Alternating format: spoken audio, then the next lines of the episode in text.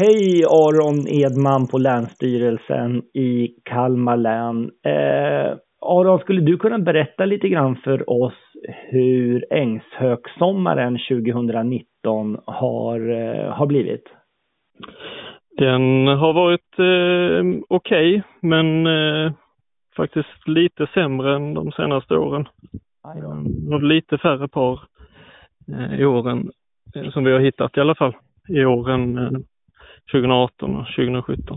Okay. Hur, hur, hur, många par har så att säga påbörjat häckningsförsök? Eh, ja, i takt med att ängshökarna börjat häcka i åkermark och särskilt i vall så har det där blivit svårare och svårare att, att bedöma eftersom många häckningar eh, förstörs redan första veckan eller andra veckan som de har etablerat sin boplats och sådär. Så att det går så himla snabbt och de dyker upp och försvinner innan man ens har haft en chans att hitta dem. Men i år har det varit runt 25, någonstans mellan 25-30 par eh, inblandade i början av häckningssäsongen. Ja, just det. Okej. Okay. Ehm, och, och, hur många utav dem har, har, har så att säga fått unga på vingarna?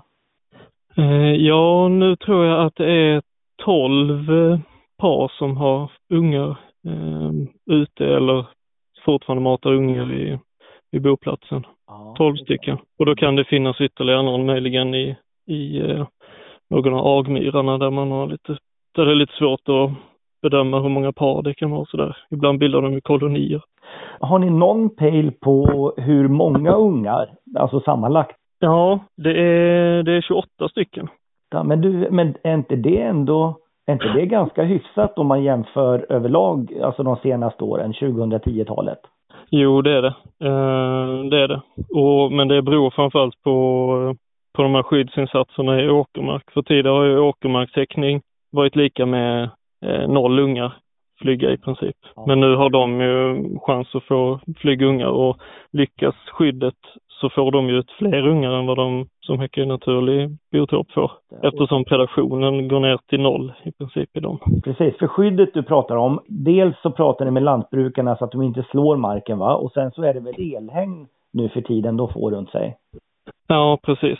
Gösta Friberg ehm, lägger en oändlig massa timmar på att leta upp eh, ängshögshäckningarna i åkermark och eh, prata med lantbrukarna så snabbt han kan och och pekar ut boet och så avsätter man den lilla fläcken som är boet och runt omkring och så sätter de upp ett, antingen ett sånt där elektrifierat fårnät runt omkring eller ett eh, lite mindre metallstaket som är 2,5 gånger 2,5 meter bara.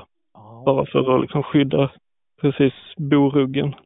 Det räcker ofta. Det enda risken är egentligen om det kommer ner eh, korp till exempel från luften eller ibland någon gång har det hänt att brun kärrhök och röd glada eh, har varit nere och tagit små ungar och sådär. Ja. Så att det, men det är nog rätt sällsynt, men det kan ju förekomma. Ja, jag förstår. Just det, ja, det, det är mm. markangreppen de skyddar emot, inte mm. luftangrepp. Och det är ju, ja, och det är den största risken. De mark, markangreppen från räv och grävling. Ja, ja det är faktiskt det är en fantastisk insats som, som Gösta gör eh, med mm. det här. Eh, men, men även, även ni på, på Länsstyrelsen, eller kanske framförallt du i första hand, eller eh, arbetar väl ändå en, en del, så att säga, yrkesmässigt med ängshökarna? Ja, eh, yrkesmässigt så är det inte jag så mycket, utan då är det Susanne Forslund och Helena Lager som jobbar med åtgärdsprogram för hotade arter däribland ängshök. Så de gör det mesta. Eh, min inblandning har egentligen varit, eh, jag har lite kompetens eftersom jag eh, kan ringmärka till exempel och vi har ringmärkt lite ungar och så har jag gjort ett exjobb ehm, eh, på Lunds universitet ehm, som handlade om, en, det var en habitatstudie kring hur de öländska ängshökarna väljer sina revir. Ehm, men annars är det de som gör det praktiska arbetet och och anlitar Gösta och sådär. Och i år har ju Gösta haft en eh, stor skara volontärer också som har bidragit. Eh, så Gösta har varit spindeln i nätet och så skickar han ut volontärerna som kommer och hjälper till och, eller ut och spanar på misstänkta häckningsplatser och sådär. Så det har blivit en eh, stor apparat i år och, och tack vare den, att det arbetet har funkat så bra så har det nog hittat många och kunnat skydda fler också. Ja, jättekul. Det är inte utan att man känner liksom en viss tacksamhet mot, mot uh, de här ideella insatserna. Eh, ja, till slut, Aron här, hur, eh, fördelningen av ängssök på ön, hur ser mm. det ut? Ja, det gjordes en inventering 2012. Sen inventerades det inte 2013 och 2014 ordentligt, utan man gjorde en inventering igen 2015. Och 2015 så hade ju plötsligt alla övergått till att häcka i åkermark. Eh, så att någonstans däremellan 2012 och 2015 så blev det ett snabbt skifte. Och i samband med det så övergav de också eh, lite grann agmyrarna på mellersta och norra. Så att populationen har flyttat söderut lite grann kan man säga. Tillbaks ner i åkermarken runt Stora Alvaret. Men det konstiga är ju att de också har övergett tokmarkerna som finns där nere. Så att de har övergett både mellersta och norra och tokmarkerna på södra. Men det finns eh, enstaka par kvar i agmyrarna, i alla fall på mellersta. Men eh, där uppe hittar vi väldigt få åkermarkshäckar utan de verkar ha flyttat lite söderut de flesta. Ja, all eh, heder till eh, Gösta och alla andra eh, ideellt engagerade för, för ängshökarna på, på ön. Um, Verkligen.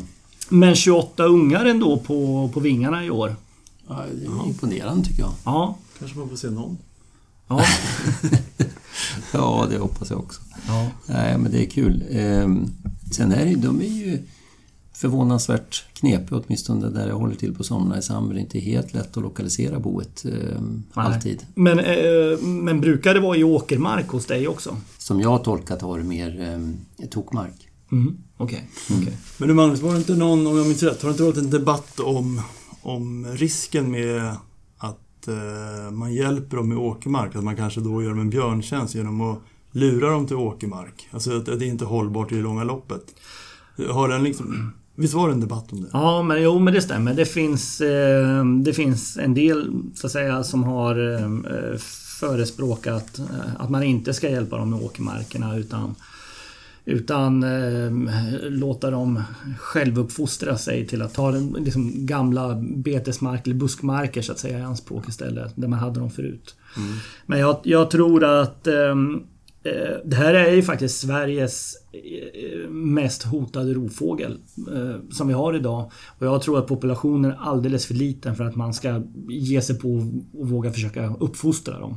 Chansen att man lyckas med det tror jag är långt mycket mindre än, risken att vi blir av med varenda, varenda ängshögpar. Men det, det, är ju fascinerande hur snabbt det tycks ha gått att de ändrar beteende och börjar häcka i vall eh, från agmyrar och, och tokmarker. Och vad, varför blir det sådär? För det har jag förstått, inte bara i Öland utan det är väl ett problem med, på kontinenten också, Frankrike och mm. så, som, som har exakt samma problem.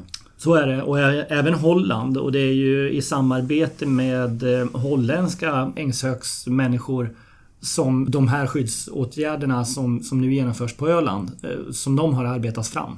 Ja, just det. Det var mm. väl bud på att det skulle satellitmärkas någon där också? Ja, så småningom i alla fall. Mm. Man, man, vet ganska lite om hur ängshökarna rör sig i, i landskapet och vilka, vilka, vilka så att säga, marktyper eh, som de faktiskt hittar föda i och så vidare. Ja, Fantastiska fåglar. Eh, men det har väl inte bara varit ängshökar i sommar? Har ni hunnit med en vadarskådning? Ja, men det har varit en del vadare. Inte så mycket som jag skulle kanske ha önskat eh, har jag hunnit med, men eh, det är alltid lika roligt när det drar igång. Mm. Mm. Men det har, man generellt har varit en ganska en bra, ganska ordinär sommar va? Ja, precis. Eh, nere på Ottenby har vi faktiskt haft ett riktigt bra vadarår i år. Eh, vi är nog uppe i över 5000 märkta vadare. Mot ett snitt på kanske 3,5 ungefär tror jag, om jag minns rätt. Men speglar är verkligen, för jag är inte riktigt mitt intryck av tillgången, men, men eh, speglar det verkligen den faktiska eller? Ah, inte, inte, inte fullt ut kan man säga. För eh, vi påverkas ganska mycket utav fångstförutsättningarna. Alltså mm. vattenstånd och, och hur tång ser ut och så. Så, så man kan säga att på, på sikt så är det absolut så att vårt fångstresultat speglar tillgången på vadare. Vi, vi, vi, följer rätt fint så att säga vilka arter som ökar, vilka som minskar och så vidare. Men att plocka ett enstaka år och säga att det här året var ett väldigt gott år för vadare generellt på Öland. Det kan man inte riktigt göra. Eh, därför att tångens beskaffenhet och, vattenstånd med mer, betyder egentligen mer så att säga för, mm. för fångstresultaten under enskilt år. Jag var i Bergshamn i söndags och slog mig att det var ganska gott om sposnäppor och ganska många unga sposnäppor. Ja, okej. Okay, kul. Mm, mm. Roligt. Ja, det känns som att det fortfarande är mycket unga vadare som återstår att passera. Mm. En annan eh, lite rolig grej från sommaren här som jag inte vet om ni eh, känner till. Eh, men den här sydnäktergalen i Mellby. Mm. Ni vet en som satt eh, redan i, i, maj va? Tror jag ja, kom. satt hur länge som helst där. Ja, men och, och sångintensiteten minskade ju rätt mycket eh, under juni där och, och sen så tystnade ju fågeln men fanns ju kvar med ytterligare en näktergal. Göran Andersson har gjort eh, flera besök inne i i området här för att leta. Jag, jag, tror inte att han har lyckats sett ungarna men de har definitivt betett sig som, som om det var en, en häckning, alltså framgångsrik häckning. Mm. Tyvärr så, så, så, tror jag inte att det står helt klart vad, vad den andra föräldern var för någonting egentligen. Om det var en, en, en, eh, en synektigal eller en vanlig nektigal så att säga. Men det satt men... ju en vanlig näktergal och sjöng precis bredvid sydnäktergalen också. Ja, mm. precis. Det gjorde det. Men att de eh, uppvisat häckningskriterier så att säga i alla fall. Den här sydnäktergalhannen. Det, så är det helt klart. Helt det är ett, hybrider är trendigt. Det är ja. inget, inga konstigheter. Nej, precis. Som jag sa i förra avsnittet här så var jag ju i, eh, i Italien i juni. Mm. Där var det ganska gott om sydnäktergal som, som varnade. De både ipade och, och, och skorrade. Har ni, har ni satt er ner någon gång och försökt att, att skilja de här åt mellan sydnektial och vanlig nektial? Jag har lyssnat, ja, för länge sedan när jag var i Turkiet när jag kom hem så försökte jag lyssna på framförallt ipet om mm. Bilder. Och jag, jag, reflekterade över Israel i våras, för det var ju sydnektial som ipade när vi var där. Ja. Och jag spelade in och jag, min känsla var då att fan, det här skiljer sig ändå lite grann från nektigal och det här måste jag lyssna in när jag kom hem. Men sen har jag inte gjort det. Nej. För jag, jag det är inte så mycket värt en sån där, eller det är lite värt det in, första intrycket men jag har ju inte jämfört dem precis mot varandra med inspelningar och sådär sett. Det är ju väldigt, väldigt påminnande givetvis men jag tycker nog att det var lite skillnad. Jag satte mig för skojs skull och gjorde och laddade ner en del eh, Senocanto-inspelningar utav båda arterna och jämförde. Ja. Och även mina inspelningar från Toscana där.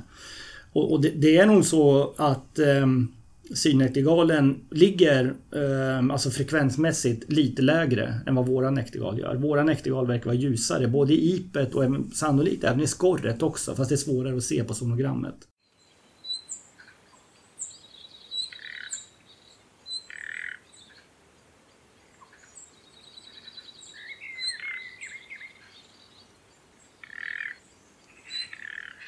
Men, men sen var det ett, ett, någon enstaka individ som, som... Ehm, för det skilde ändå, om jag minns rätt så var det 400 hertz eller något sånt där som, som de här IPen så att säga mellan synnektergal och, och, och vanlig nektergal. Men så var det någon eh, individ som liksom helt plötsligt la sig fel sådär. Men, men eh, bland de allra flesta så... Ja, hybriden. Mm. ja, det kanske var. Ja, ja precis. Ja. Att skilja på 400 hertz sådär, det måste ju vara snudd på absolut gehör då, om man ska kunna göra det utan jämförelsematerial. Nej men no, förlåt Jonas, men jag menade inte... Min, min tanke med det här var inte alls att ehm, eh, försöka bli expert på det här ute i fält. Min tanke var snarare om man kunde få eh, koll på den andra häckande individens ah. arttillhörighet. Ah. Ja. Nu fattar jag. Ja, jag kanske glömde nämna det. Eh, Göran har ju fått eh, inspelning eh, mm -hmm. därifrån också. Ja, ja, ja, men det var inte kul. Men, och de har inte du analyserat? Ja, jo, men jag, jo, jag tittar på den men jag vågar inte. Jag vågar inte. Aha, okay. ja, nej. Förlåt, jag var nog lite otydlig. Ja. ja, ja. Eh, Okej, okay. men... Eh, så kontentan är, vi vet inte så mycket om ängsökar, vi vet inte så mycket om sydnäktergalar. det tycker jag var bra sammanfattat Mats. Ja. ja, så är det.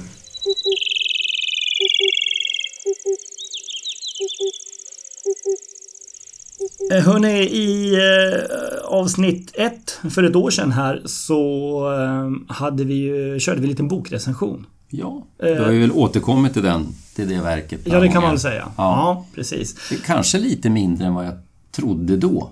För jag tänkte det här kommer jag ju läsa nu och vi kommer återkomma till det här verket och ta upp nya grejer hela tiden. Men det, så, så har det inte riktigt blivit heller. Det är ju referensverk men, men personligen önskar jag att jag hade kunnat att jag hade läst ännu mer i den där. Mm. Men det, och det är ju då, för er som inte har hört avsnitt 1 så är det ju eh, HVPB eh, skriven av eh, Shirhayo Svensson som vi pratar om då. Men eh, jag eh, undrar, jag tror nästan att det finns anledning kanske att köra en till sån här, lite bokprat. Mm. Du hade någonting, sa du Jonas, som du ville nämna? Ja, du frågade om vi hade boktips och då tänkte jag osökt på en eh, någonting som jag läste i, i sommarens hängmatta, en eh, skönlitterär bok.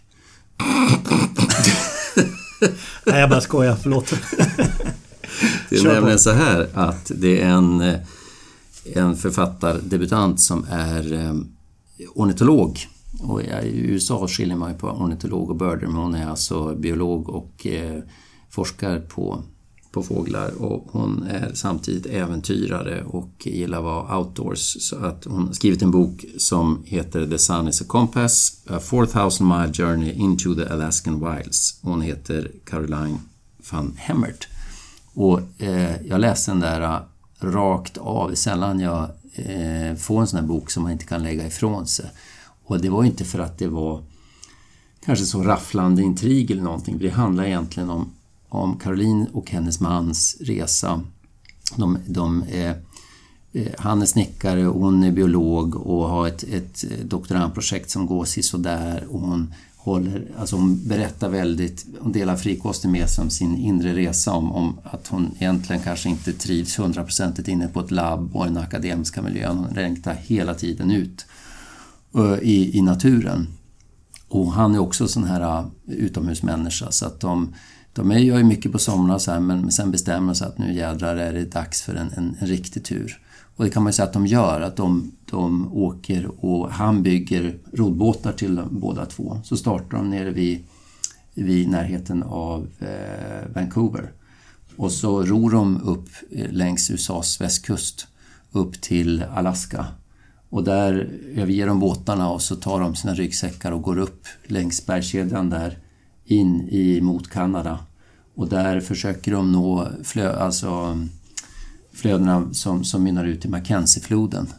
Och så har de raft som de har haft med sig, de har mat med sig och så, sen så eh, paddlar de i Mackenziefloden ända till Arktiska oceanen. Därifrån börjar de gå västerut i Alaska hela vägen till Kaktovik. Och där börjar de gå inåt igen. Och nu har det börjat bli höst. Och de följer vildkaribousernas stigar, för de är ju helt väglöst, stiglöst land hela tiden. Och så följer de här ren, liksom och, och tracksen för att de ska kunna orientera sig där. Och, och, går över Brooks Range som i norra Alaska, faller ner i en till flod som de lyckas paddla sig och till Kotzebue i, i Chukcherhavet. Eh, och när de är färdiga har de alltså gått och paddlat själva 600 mil eh, genom och hon tar hela tiden upp det de möter biologiskt, fåglar, fågelarter, hon reflekterar över hur det var att forska på det här, häckningsbiologi. Helt suveränt att läsa om man är fågelintresserad och tycker om att vistas utomhus. Jag rekommenderar den varmt. Mm, kul! Mm. Den måste man Låter ju spännande. Ja, men det, det är så. Det, jag vet inte, den är inte översatt på svenska. Jag tror det är svårt att få tag i i svensk bokhandel men, eh, men den går att köpa på Amazon och, och de här stora Mm. Så, så det, det rekommenderar jag varmt. Mm. Låter lite som, det får mig att tänka på filmen Wild. Har ni sett den? Med Reese Witherspoon. När hon går Pacific Crest uh, Trailway. Eller ja, jag vet eh, vilken du menar. Ja, ja precis. Mm. Ja, björnar såg de ju otaligt men tyvärr ingen som var inriktad på att ta dem också. Och, och, det var en av gångerna de ville faktiskt ge upp resan för de sa att, att kännas som ett villebråd under den dagen som det var en svartbjörn som liksom försökte. Svartbjörn dessutom? Ja. Jaha, brukar ja, inte de vara rätt fredliga? Jo, men, ja, fast det är faktiskt så att svartbjörn eh, tar nog så många liv i Alaska som eh, brunbjörn nu. Jaha, ja. Eh, normalt sett tycker man att de ska... Men, men just den här, och de såg direkt på beteendet att den här är ute efter dem. Alltså. Och de hade ju björnspray och, och allting men den gavs inte. Nej. Men de sköt dem? Nej, de hade inget skjutvapen med sig. Så att, nej, de flydde över en flod till slut. Aha. Ja. Ja. Men jag förstår att du känner dig eh, liksom taggad och, och, och för något eget sånt där äventyr. Men om man ska översätta det här till svensk förhållande då får man paddla kajak från Hudiksvall och sen knalla Umeälven upp eller något sånt då eller? Ja, och så sen över till Vita havet genom Kolahalvön och så sen ner till Moskva eller något sånt där. Ja. Det är för att komma upp för den sträckan. Ja, det är ju det är fullständigt, det går nästan inte att ta in det, Nej. det de gjorde. Men eh, så att, så att eh, ja, det är fantastiskt. Ja. Kul! Eh, mitt boktips är, eh, det är lite torrare. Eh, har ni sett den här som kom häromdagen? Birds of Mongolia? Jag såg att den kom, jag inte Nej, det har jag inte. Ja. Det har ju alltså Mongoliet och, och även så att säga centrala Sibirien har ju varit en liten vit fläck annars på, på, på bokmarknaden. Det, det har ju saknats liksom en, en bra heltäckande bok för, för det här området. Och det här är ju den här eh, Helm-serien så att jag tror att många utav planscherna känner man ju igen eh, från till exempel Birds of East Asia eller Birds of Central Asia. Eh, men en del, en del nya planscher var i den också. Så att jag tror, eh, för min del så kommer jag nog att ha med den här bort till de där områdena främst utav två skäl. Dels bara för att, att det är behändigt att ha en bok som, som täcker hela regionen så att säga. Men sen framförallt det stora värdet tycker jag, det ligger nog faktiskt i utbredningskartorna. Mm, ja, jag ser ju precis. Det har man ju funderat över ganska, ganska många gånger. Hur utbredningsområdena egentligen ser ut där borta och var, var börjar den ena arten och slutar den andra och, och så vidare. Och, Men du, vilken, vilken detaljgrad det är på utbredningskartorna? ja, det är det.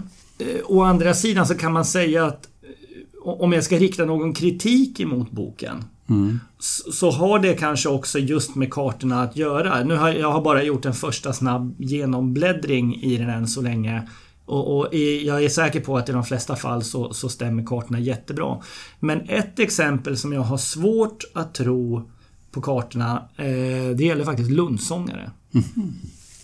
Jo, som ni ser här så har de ju då eh, splittat eh, Lundsångare från Plumbetarsus precis som, som, eh, som vi har gjort här i Sverige också. Men om, om ni tar en titt på, på Lundsångarutbredningen, alltså den, Oj, den det? europeiska Lite Lundsångaren. österut. Ja, de har målat dem jättelångt österut. Eh, alltså inte bara vid Chovdskol här söder om Baikal utan även eh, ännu längre bort, alltså i östra Mongoliet. Jag har väldigt svårt att tro att det där stämmer. Ja, det har jag med. Jag tror nå- någonstans i höjd med västra Sajan, alltså Tuva-regionen i Ryssland där. Så, så tror jag att, att, att, eh, att de här formerna faktiskt växlar över. Och att man inte hittar Viridanus längre, längre österut än så. Så att det, det här skulle jag gissa är fel. Och jag stöter på eh, något annat sånt exempel eh, också här i. Men, eh, men annars så, jag tycker att det här är, jag tycker att det är kul. Jag känner mig glad för, jag känner mig glad för mongolerna där borta. Att de, eh, de verkar väldigt stolta över, jag har sett på Facebook att de eh, har gjort mycket reklam för den här. Och de verkar glada över att de äntligen har fått en fågelbok. Det är Gombo Batar man ska tacka alltså.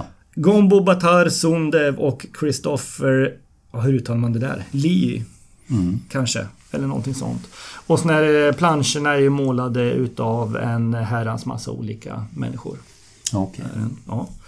vad roligt. Finns på eh, Naturbokhandeln för 400 kronor. Den får ni köpa. Ja.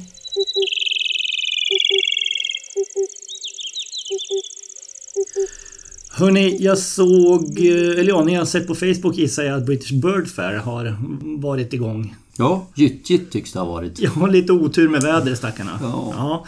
Men en sak som jag såg där var bland annat att brittiska RK firar 60-årsjubileum. Ja, Det är ganska... Det, det, 60 år är en lång period. det. Ehm, och det fick mig att eh, minnas att jag faktiskt i fjol pratade med, eh, med Lasse Svensson om eh, bildandet utav, utav den svenska raritetskommittén under tidigt 70-tal. Men av olika orsaker så har den intervjun inte... Ja, ja jag bandade alltså vårt samtal. Eh, men vi har inte riktigt haft plats för det. Men eh, jag tänkte att vi, jag tror inte ni har hört den heller. Ska vi ta och lyssna på den kanske? Mm. Ja, hemskt gärna. Ja, det var väl eh, på det hela taget gick det ganska smärtfritt och, och välkomnades av, av många. Eh, inte alla kanske eh, som hade fått någon, någon rapport underkänd. Men, eh, men som princip att vi hade en kommitté som ju redan fanns i Danmark och i Storbritannien. Så att då, då kändes det ju som att det var en trend som eh, Sverige följde på ett naturligt sätt. Och eh, vi i kommittén. Jag var ju lite diplomatisk och taktisk så att jag bad ju några lite äldre vara med så att de äldre ornitologerna som kanske skulle få några äldre fynd eh, sågade i efterhand skulle ändå tycka att eh, den här kommittén är ju rekorderlig och någonting man måste ändå eh, ha förtroende för. Så att Gustav Rudebeck och Wolf Jenning var ju med från början och de bidrog på, in, naturligtvis mm, i det, i det dagliga arbetet, i bedömningarna, men framförallt genom helt enkelt att representera en äldre tids ornitologi. Vilken vass taktik. Ja. Nej men eh, det var ju, det gick, det gick ganska bra. Jag sa ju direkt till SOFs styrelse att eh, det var grannlaga uppgift att sitta ensam och bedöma alla rapporter som kom in som mm. redaktör. Och det ville inte jag eh, ha liksom. Utan jag ville ha någon, någon kommitté som man kunde delegera det här till. Jag satt själv med i den men det var ju egentligen mest för att, så säga, tidskriften behövde en observatör i kommittén. Men, men jag var naturligtvis mycket aktiv i den. Och, eh, det framgick ju sen av att jag skrev massa artiklar och sådär. Så att, att jag var road av det här. Så, eh, har du, hur pass insatt är du så att säga i dagens eh, arbete och, och, har, du några, har du några tankar så att säga kring, kring det arbete som idag bedrivs inom kommittén? Har, tycker du man har så att säga förvaltat uppgiften Absolut, väl? ja. Allt jag, allt jag ser är precis som jag hade velat göra det också. Så att jag har ingen kritik där. Jag gissar att du fortfarande används som bollplank med jämna mellanrum? Inte så ofta. Det, gör, och det är rätt skönt att vara lite sådär tillbakadragen eminens. Det, det, det passar mig rätt så bra. Nej då, men någon gång, jag var ju nere i Falsterbo när det var en lite mer internationell fågelstationskonferens, för då var det ju raritetskommittéer som träffades och då pratade jag lite om olika stora grupper. Så att, eh, jo, jag, jag används ibland. Och det är så lagom. Mm. Det generella, så att säga, intresset kring eh eh, kring, kring fågelbestämning på olika sätt och vis eh, har, har ju ökat eh, rätt mycket så att säga under de decennier som du har varit verksam. Mm. Och du har säkert en stor, en, en stor, en stor eh, del i den kakan så att säga. Hur, har du några tankar liksom, eller hur, hur, hur, ser du på, på återväxten bland, bland skådarna idag kring, kring intresset och kunskaperna? Och... Ja, jag, min uppfattning är att det är väldigt bredd nu och hög, hög kunskapsnivå och, och bredd på denna.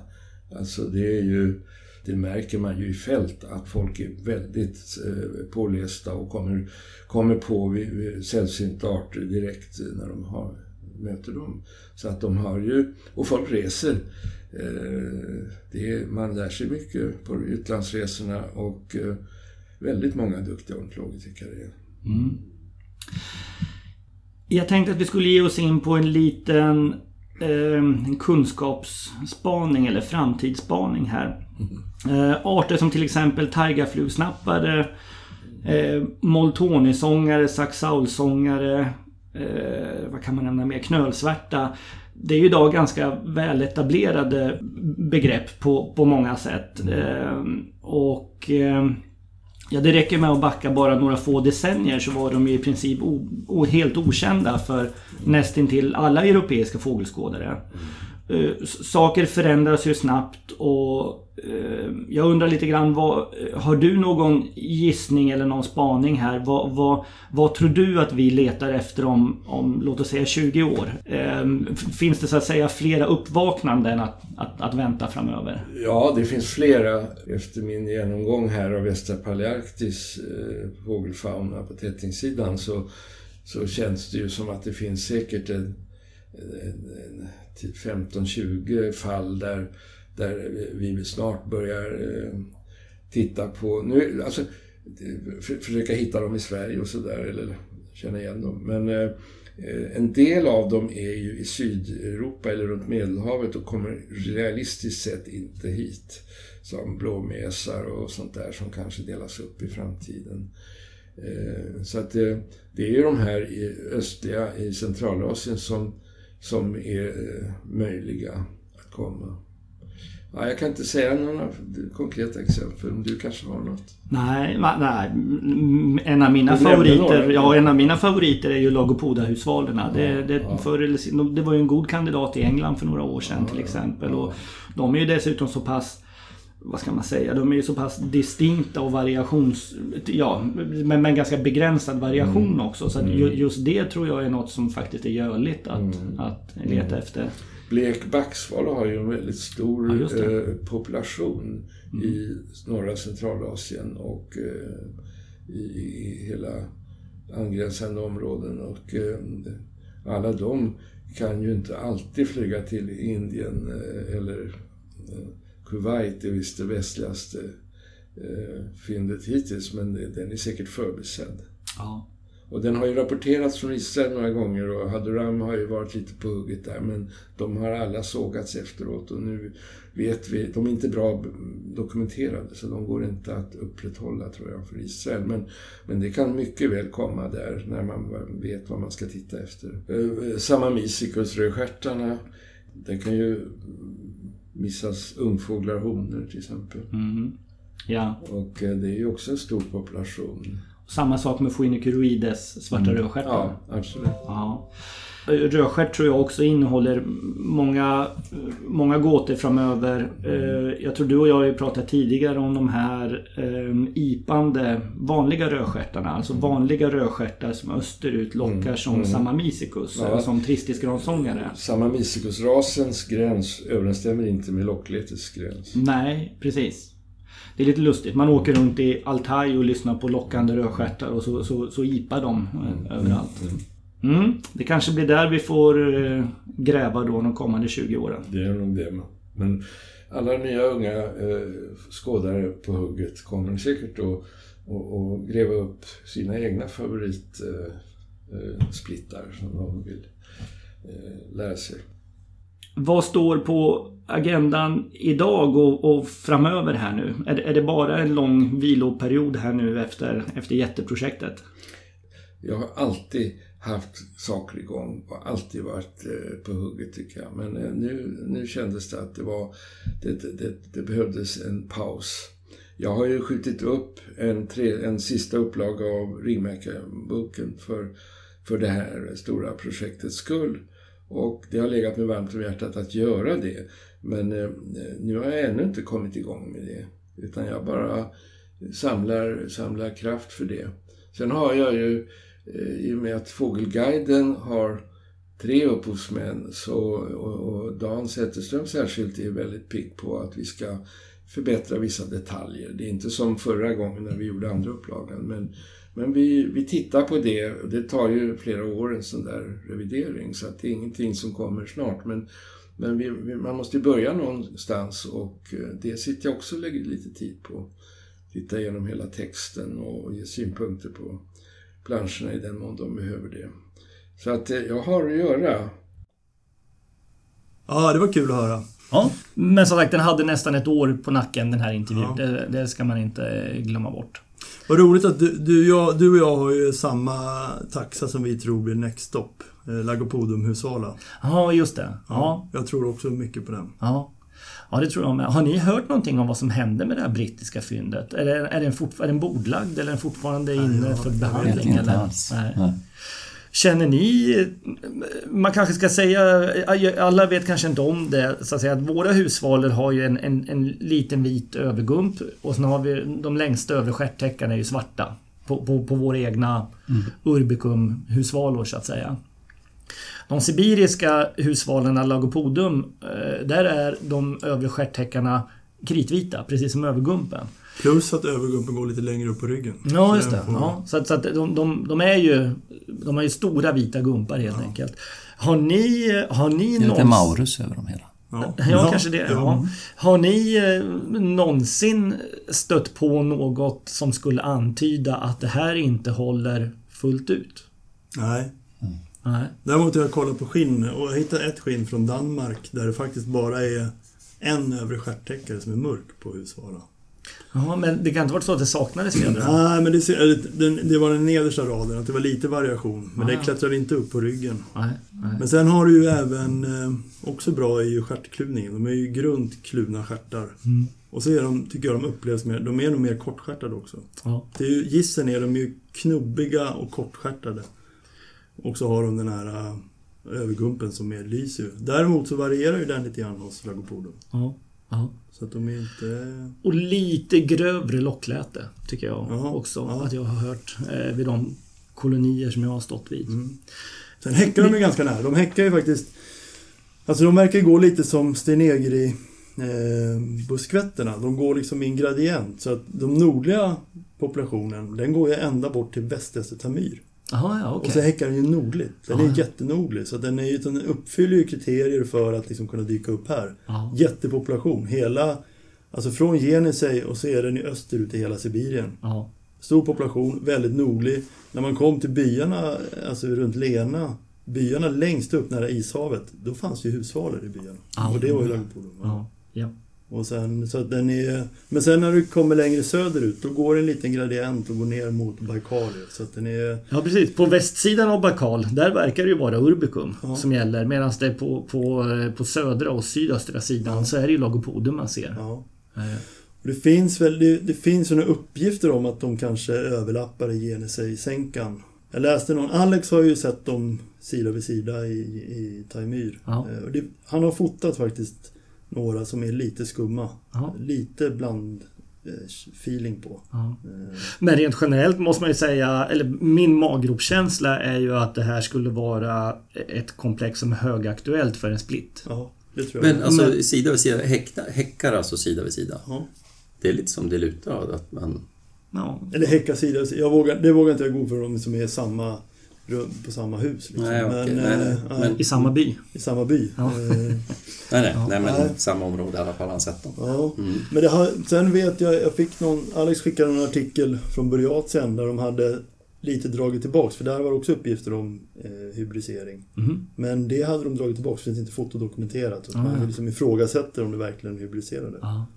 Jag tror skillnaden mot Diluta, eller jag har fått för mig att Dilutasvalerna eh, de, de eh, har en ganska liksom en, en fläckvis utbredning och att de på ganska många ställen överlappar med, med vanliga backsvalar. Mm. Stämmer inte det? Eh, vilket, vilket ju då... Ja, precis, tittar man på kartan mm. så blir det lite annorlunda än, än, när man pratar om husvalerna så att säga. Men, men det låter ändå på det Mats att det är en ganska skarp gräns från Urbika till, till Lagoboden. Ja. Ja, ja, så har jag tolkat det. Ja. Eller, eller, det står att de, över, att de flyter över i Genesei-sänkan. Mm. Det där är områden som man inte reser i längre söderut. Det är inte så mycket folk som är där. Det, det, det, där är ju vita fläckar.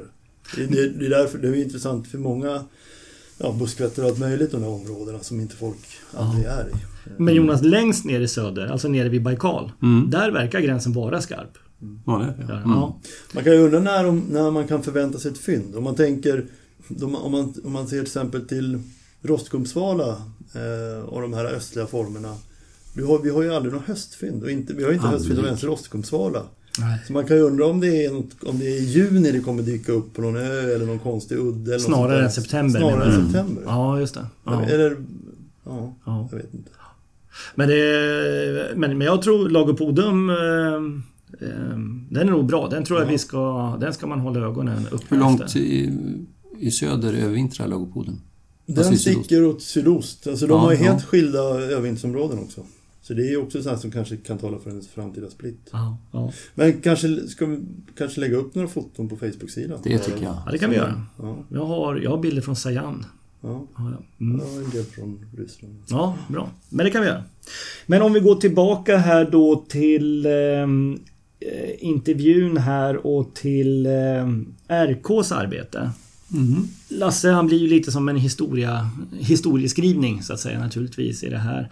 Men jag menar även, även här runt bordet är det ganska många, många år vi täcker in. Ja, du tittar på mig. Ja, ja du precis. Du fyllde år igår, är det därför du ja. börjar se så gammal ut? Ja. ja, men, ja, men så är det ju faktiskt. Ja, visst. Det. Ja, det är ju nästan en 25 år eller något ju, som någon utav oss här har, har suttit med man kanske är tydlig att alla tre har... Och jag är ju med nu, men ni har ju varit med förut. Så det kanske mm. inte lyssnarna... Jonas, du var med från 98, 98. tror jag jag kom med. Jag kommer faktiskt inte ihåg hur länge. Jag tror att det var från 98 till typ 2008 eller något sånt där. Och du Magnus, ja, var... jag, var, jag var ju kvar till 2012, 13 eller något sånt där. 12 var det. Mm. Mm. Eh, och, och det, det, jag, det jag famlar efter här är att... Eh, är det inte ganska Eh, alltså RK-arbetet det räcker med att vi går tillbaka till slutet av 90-talet så såg det ganska annorlunda ut mot, mot ja, ja. vad det gör idag, eller hur? Mm. Jag skulle säga fundamentalt annorlunda. Dels, dels arbetssättet, dels karaktären på rapporterna, de problem man hade. Eh, det, det, är ju, det är ju väsensskilt, ska jag vilja säga. Mm. Det, det, alltså det enda som är gemensamt är att, att visst, grunden är att man får in beskrivningar som idag till väldigt stor andel är foton ju. Oh. Nästan alltid dokumenterat och man ställer med rätta tycker jag, med tanke på hur enkelt det är idag att dokumentera, så ställer mm. man ganska höga dokumentationskrav. Mm. Jag menar alla har en mobiltelefon med en fantastisk kamera idag och det blir egentligen, man tänker efter, att fota med en, en telefon genom tuben blir ju makalöst bra. Mm. Ja, jag skulle nog gissa att 80-90% av alla rapporterade fynd har foton. Alltså, ja. Och som är hyfsat bra. Ja, och backar man till innan den digitala revolutionen så var det väl i princip totalt omvänt va? Ja, totalt. Jag skulle ja. säga, ja, om inte ännu mer som var odokumenterat. Ja. Och då var det så, ja det blev ju så att bedöma en rapport med en text är ju det, det, jag tycker bara det är en mardröm. Och, och det, det, kom väl egentligen till sin spets när, när vi skulle liksom börja bedöma trutar.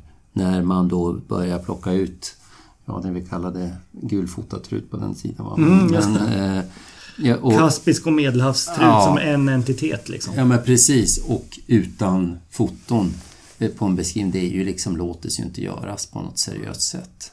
Och, och, och, det var, eh, utan att nämna rapportörens namn, det var någon, någon gång som jag vet att kommentaren blev att ja, det var faktiskt inte en, en alldeles trovärdig beskrivning, det lät inte bra.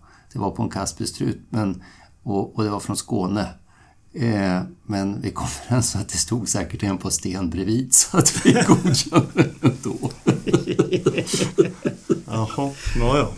Nej, det, var, det, det tolkas på ett, ett ja. positivt sätt hoppas jag. Men, eh, eh, ja, men visst är det annorlunda det finns, det finns faktiskt några likheter som, som, eh, som har varit, tror jag, även som, från er tid. Det är att eh, Sandtärna, Eleonora ja. Falk, Dvärgörn. Det kommer ja. årligen rapporter utan foto på dem. Ja. Eh, och de är ju svårhanterliga. Alltså. Plus att man, och med jämna mellanrum så kommer det in foton där vi ser att det inte är det. Ja. Någon av dem, den arten. Mm. Eh, så den, det, är, det, är, lite samma traggel med de här, de är svåra att bedöma. Mm. Men det är ju helt klart så. Ett, ett, en av de saker som jag kanske tycker var det jobbigaste med RK-arbetet eh, och det som kändes absolut mest obekvämt var ju det som, som eh, att man skulle liksom på något vis indirekt lägga in någon slags trovärdighetsbedömning i en rapport. Och det var mm. onekligen så att det var, man var tvungen att göra det när det var så väldigt mycket odokumenterat. Och eh, hela den diskussionen tycker jag i princip nästan försvunnit idag. För det är, själv, alltså det är ju självsanerande idag. Eh, riktiga rariteter blir dokumenterade.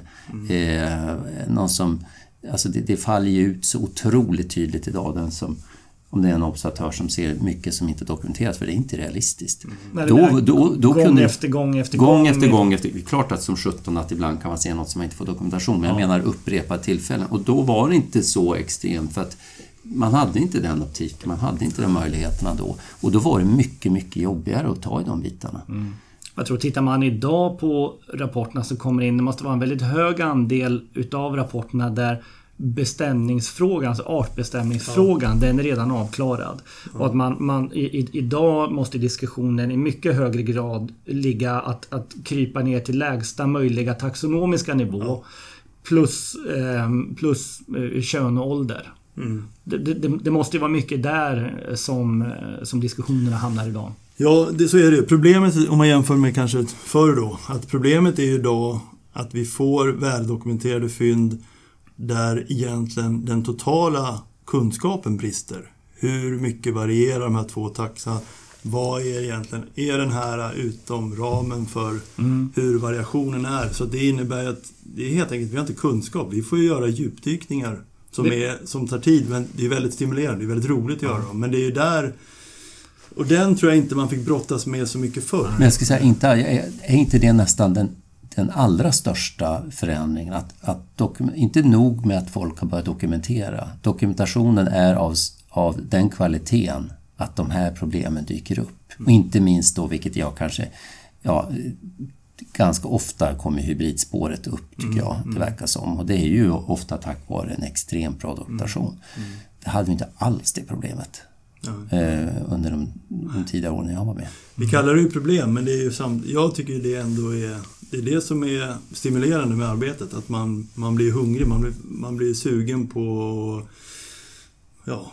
Men inte, jag, jag tycker det är helt klart så att, att i de här senaste åren med de här inte minst de här omgranskningarna och de här helhetsgreppen ni har tagit. Ni har ju på ett ganska påtagligt sätt flytta fram bestämningshorisonten och, och rätt ut en del problem. Jo, det, det är ju så. Jo, men om man tar blek, tornseglare som Hasse jobbade med, det var ju det som kom ut av den, det arbetet, det var ju det är ju matnyttigt för alla europeiska skådare, liksom hur man skiljer dem. Ja. Eh, och tallsparvarna som Alex... Och det, men vi kan gå tillbaka till arbetet med Även Missabellatörnsgatorna på som mm. Magnus drog och vi har arbetat med svartåkare buskvätter och tristisgronsånger och allting. Det är ju, det är ju liksom eh, stimulerande. Ja, jag, precis. Jag tror, inte Jonas, jag tror inte det är helt rättvist Jonas att säga att det här är ett nutida fenomen. För RK har väl trots allt ändå alltid haft den här rollen att försöka pusha och pusha framåt och informera utåt.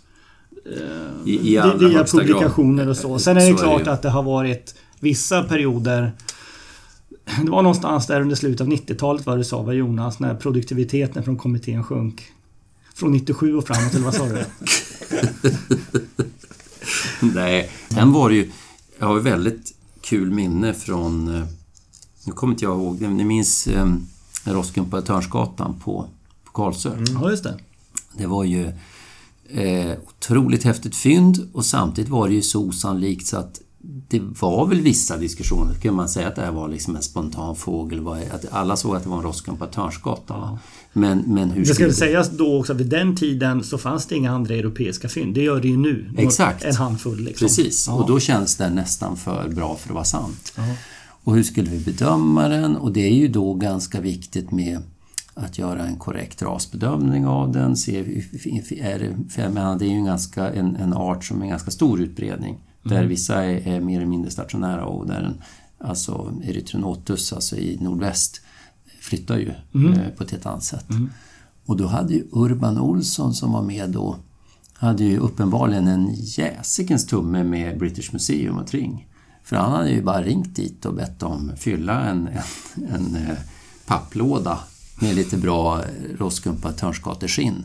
Så att när vi eh, han kom ner där till eh, Segersta fyr där vi hade mötet där med en, med en papplåda eller en kartong under armen som var oöppnad. Så mitt under mötet där när, vi, när rapporten kom upp då seglade han där fram och vi öppnade den och det var ju fyllt med skinn. Ja. Så att vi, vi radade upp dem där då eh, och såg att det var ju inget snack att det där var ju en, en Erythronotus och ja. kunde då bestämma den med, med fog tycker jag med torrt på fötterna att det där var en, en ett spontant fynd. Mm, mm. En av de bästa minnena nästan. Ja, faktiskt. Ja. Verkligen kul. Mm. Sånt där löser man på åtta sekunder med en bildgoogling idag. Ja men så är det ju. ja. ja men så är det. Absolut. Nej, det var helt annorlunda. Det är väl en av de stora, det är inte bara RK, utan det är de stora förändringarna som har skett när det gäller fältbestämning överhuvudtaget, den tillgång till bilder som finns nu. Absolut, visst är det så. Visst Eller sitter du och klipper i Vår Fågelvärld och British Bird fortfarande? Nej, jag har slutat med det. jag har inte vågat slänga pärmarna. Nej, Nej men det ska man inte göra. Det är, det är fint arbete där.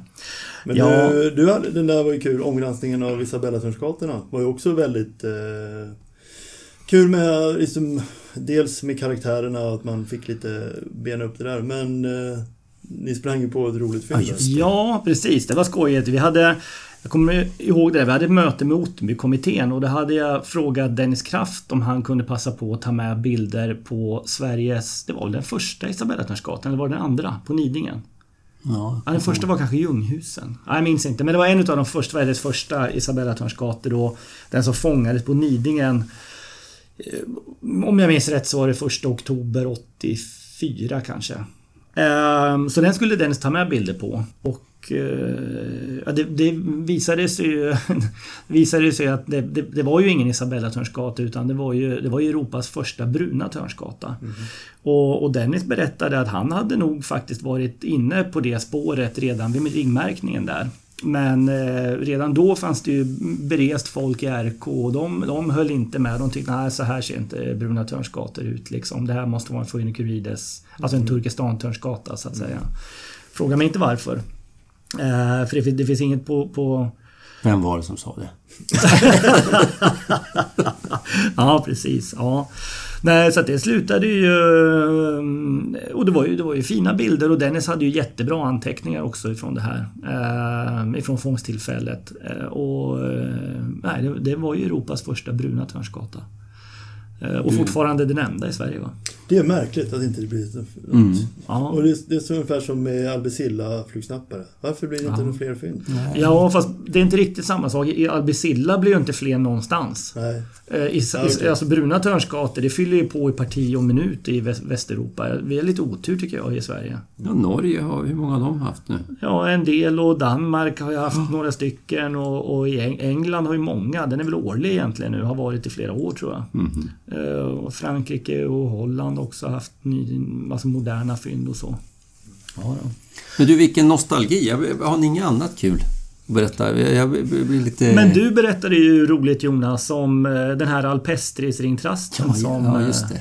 Eh, eh, den jag måste tänka efter här. Det var eh, ju en rapport som kom in från Utklippan om en det, med viss, ja, det, om någon lyssnare var med så kan de säkert korrigera för det här tar jag från minnet och för vad det är värt. Eh, jag har för mig att det var så här att några hade varit och ringmärkt på Utklippan och fångat en ringtrast.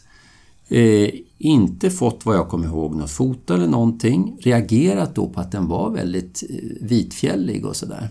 Men liksom, det, jag, vad jag förstår så hade inte riktigt poletten trillat ner förrän de hade kommit hem.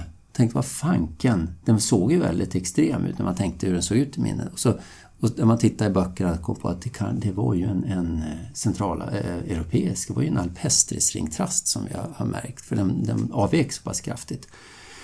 Och, och bara nej, vi fick inget foto, ingenting, hur ska det här, vi kan inte bara ta det ur minnet då, liksom, vad ska vi göra? Och hur eller hur så, så tror jag det var så att de Kom ihåg att den här fågeln, när de hanterar den i labbet, släppte en hel del fjädrar, alltså kroppsdjur som de gör. Va? Som Trasta brukar ja, göra? som Trasta brukar ja. göra. Som ringde ut till, till de som var på klippan och, och kan kolla, kan, kan inte kika i labbet? Och, nej, men det var ju, de, det var ju städat labb, så det, det, det fanns inga fjädrar kvar. Men de tog och, och tömde dammsugarpåsen. och där, minsann, så var det en, en fin kroppsfjäder från en ringtrast med tydligt vita, vittoppad som, eh, som jag minns att vi då rådfrågade eh, LSR tyckte inte han blev inkopplad så mycket men jag minns det tydligt att vi eh, vi konsulterade hans kompetens och tyckte det var en solklar alpestis. Så att den är ju godkänd. Sen ja. kan man säga så här, i, i dagens läge hade den där gärna fått bestämmas även molekylärt. Ehm, Fjädern finns kvar. Ja, den gör ja, det. Ja. Mm. Nej, men sitter in, ja, men, det kommer, nog, det kommer säkert sekvenseras. ja, det, det, det hade ju varit kul i så fall. Jo, men det måste man väl göra egentligen. Den, ja. Eh, den ligger inlåst på mitt kontor. Mm. På ditt kontor? Ja, i RK-arkivet. Brandsäkert? Jajamän. Ja, det är bra. Yes. Ja, men det, det, var ju det var lite kul tycker jag. Ja, ja. Ja, okej. Okay. Ehm, 47, 47 år gammal är kommittén idag va? Det är så ja. ja. precis. Och hur ser din framtid ut nu då Mats? Ja, jag, kommer, jag gör mitt sista år. Så jag gör höstmötet och sen, sen kommer jag lämna. Jag har kört i 11 år. Ja. Sen får ni leta, då är det snart dags att leta ersättare igen då. Ja, så Björn Malmhagen kommer bli ordförande eh, från och med årsskiftet. Ja, eller från och med höstmötet. Ja, Ja. Väldigt bra val. Ja. Mm. det blir toppen. Ja, men det, det blir ju liksom föredettingarnas pjodd det här snart. ja, Vi kommer att sitta som de här gubbarna uppe på balkongen i The Muppet Show. Precis. Och, Ja, jag minns min tid. ja. ja. Jaha, eh, är det någon annan som vill säga något mer om det här eller ska vi knalla vidare? Nog om RK, ja. Mm. Ja.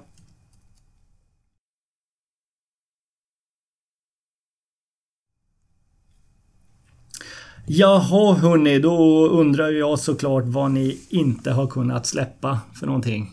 Mats, du Jag ser ut att vara på hugget. ja. Eh, Jag läste någonting, om det var på Facebook eller någon tråd som jag tyckte var ganska coolt. Det kanske ni redan har eh, läst såklart. Men eh, det var ju en stepphök som häckade i, om jag minns rätt nu, rätt med, i Holland. En hona som man hade märkt va? Ja, den, var den märktes eh, i Holland och hä- häckade där ena året. Ja. Och om det var året efter, tror jag, jag tror det var året efter, eller två år senare, så hittar man samma hona häckande i Spanien. Och jag tyckte det bara det, jag, För det första visste jag inte ens att stepphök häckade i, har häckat i Holland och i Spanien. Ja. Och sen att det är samma hona man har kunnat Det hitta häckande i. otroligt. Det tyckte jag var Ja, riktigt tufft. coolt i två bemärkelser. Ja. Men du, i Spanien, jag vet, det är väl, tappar jag namnet där Norra längst? Spanien tror jag. Var det i norra? Jag tror det Spanien var... är det, det är det som ligger längst i sydväst ner på den där lilla bullen du vet. Som petar mot Ja, ja, Marocko. Tack, tack Magnus. Ja. Just det. Ja, men jag vet att det är övervintrad stepphök där nere i eh, allra eh, sydöstligaste Spanien, väster om Tarifa, där i här eh, eh, jordbruks... Jag har för mig att det här var i norra. Okej. Mm. Ja, Jag vet att det, två år i rad tror jag man har haft stepphökshäckningar i Holland. Det ena året var det nog en hybridhäckning. Mhm. Eh, men det andra året så var det ett rent stepphökpar som häckade. Ja. Roligt! Jonas? Ja, inte kan släppa. Det är snarast en reflektion över att eh, jag var här i norra Sverige eh, förra veckan eh, och eh, tänkte då på, jag var både i, uppe vid Nikkaluokta och eh, en väldigt snabbt besök i Umeå. Eh, och vi pratar väldigt mycket om den här förändringen i fågelfaunan. Att vi har fått in nya häckfåglar i Sverige, brandkråka, kungsfågel, svarthakad buskvätta. Vi har, vi, vi, och vi som tre som sitter här har ett, ett fasligt Ölandsperspektiv. Men det är ju ändå en hel del som händer med utbredningar av andra arter. Inte minst längs Norrlandskusten som jag som är uppväxt i Umeå som kommer dit slås av varje gång man är där. Och det kanske är jag som slår in öppna dörrar men jag undrar om det är så himla känt i Sverige vilka stora förändringar som sker. Jag tänkte det, dels att jag eh, satt i, i Nikkaluokta och det var eh, en ren stor gråsparvsflock där. Det var, fanns ju inga pilfinkar medan det, och så var det ju när jag började skåda i, i Västerbotten eh, som är betydligt längre söderut då, då fanns det ju, var pilfink en raritet. Det fanns några som på en adress eh, på- på ett ställe i Umeå man gick och kunde se pilfink. På en adress. Ja, ja. Det Här snackar vi inte lokaler. Tor- Torsgatan på Östeg kryssade jag pilfink, det var tungt. Ja. 12B. Ja, man visste exakt vilken häck de satt i där. Och nu är det ju faktiskt väldigt svårt att hitta gråsparvar i Umeå. Eh, De har ju totalt eh, försvunnit. Men det, och, och jag har ingen aning om var den, vad ska jag säga, hur, har, hur långt norrut har pilfinkens overtake gått så att säga. Uppenbarligen inte ända upp till Nikkaluokta. Eh, en annan art som ju, kan jag inte påstå är vanlig i Västerbotten men som är ändå fullt regelbunden och man, man jag hör på Skåne där inte reagerar på samma sätt och är ju Stiglitz som ju var en, en första klassens rallis medan jag bodde kvar där. Och det är flera sådana arter som ju uppenbarligen, och nötvecka ska vi inte prata om, det är alltid den första fågeln nästan jag hör när jag besöker min mamma i, i, i Umeå. Eh, det var ju också en första klassens raritet. Och, och det är inte som Lars Jonsson skrev i den här vinterfågel, jättefina vinterfågelboken han kom ut med här om året att, att det är asiatika som finns i norra Sverige. Jag tror det var faktiskt en liten kommentar till det där i Vår fågelvärld. Utan det är ju eh, eh, det, det har, vi har ju bara fått en nordlig expansion helt enkelt. Ja. Så, och det är ganska stora förändringar. Ja. Ja, det är det verkligen. Mm. Spännande. Ja. Jag vet eh, Lund arbetar ju eh, en del med det där och, och har ju också arbetat ut något slags eh, ett miljömålsindikator. Alltså ett, ett, de har på något sätt delat in fågelarter i varma och kalla arter. Och utifrån inventeringsresultaten så kartlägger man förändringarna i utbredningen för de här. Okay. Så att eh, det är möjligt att du kan hitta roligt stöd för det här i Lunds rapporter till Naturvårdsverket. Mm. Mm. Eh, ja, men då, då ska jag avsluta eh, med en grej som, som slog mig. Och jag, jag kom att tänka på dig Mats. Det var kanske ett år sedan eh, som vi pratade om den här vitkumsnäppan vid eh, Bejershamn. Mm. Som eh, du kunde inte släppa att det var samma individ som dagen efteråt fångades nere på Ottenby. Mm. Varför kunde du inte släppa det? Nej men Mats, eh, nej men alltså det var en generell spaning om att vi, vi, vi, vi återupptäcker ganska mycket. Ja, ja, ja precis. Vi är ja, duktiga på att återupptäcka ja. fåglar liksom, även om de byter lokal och rör på sig och sådär. Mm. Men eh, det slog mig då nu i år här. Vi hade ju faktiskt en vitkumsnäppa som gick runt i Bejershamn i år igen. I princip på samma kvadratmeter mm. skulle man kunna säga. Och den fågeln var ju omärkt. Mm. Mm. Så uppenbarligen så, så, så, mm. så, genomströmmas vi inte bara utav, utav enstaka Nej. individer. Man kan säga så här, om, om vi inte hade märkt fjolårsfågeln nere på Ottenby hur tror du då att man skulle ha behandlat årets vitkumsnäppa? Ja, det är en bra fråga. Mm. Då tror jag att man hade lumpat den. Ja, man helt, hade, helt säkert. Ja, man, man, hade, ja, man hade åtminstone helt. haft en... Ja, man, hade, man hade åtminstone haft ja, en... Helt säkert. Nej, vi godkänner truten bredvid för det Fasiken var arbetet på den tiden. Ja, ja men, och, men, eller hur Mats? Ni hade ju åtminstone haft en ordentlig diskussion om man inte borde slå ihop fynden från, jo, från 2018 med 2019 så att säga. Men det var väl det som jag, som jag inte hade kunnat släppa. Att vi återupptäcker ju förvånansvärt många samtidigt som vi också det är gamar och allt möjligt och det är många som vi inte återupptäcker och vi genomströmmar. Alltså jag, jag, fick inte ihop det. Jag får inte Nej. ihop det där med... Men det, det är uppenbart att Biloddi hade fel. Jaha, berätta. I, i hans Black, Little Blackbird-bok. Där står det ju där att, att hur man hittar rariteter och sådär. Så eh, det har vi inte tagit upp, How to fool the committee och sådär.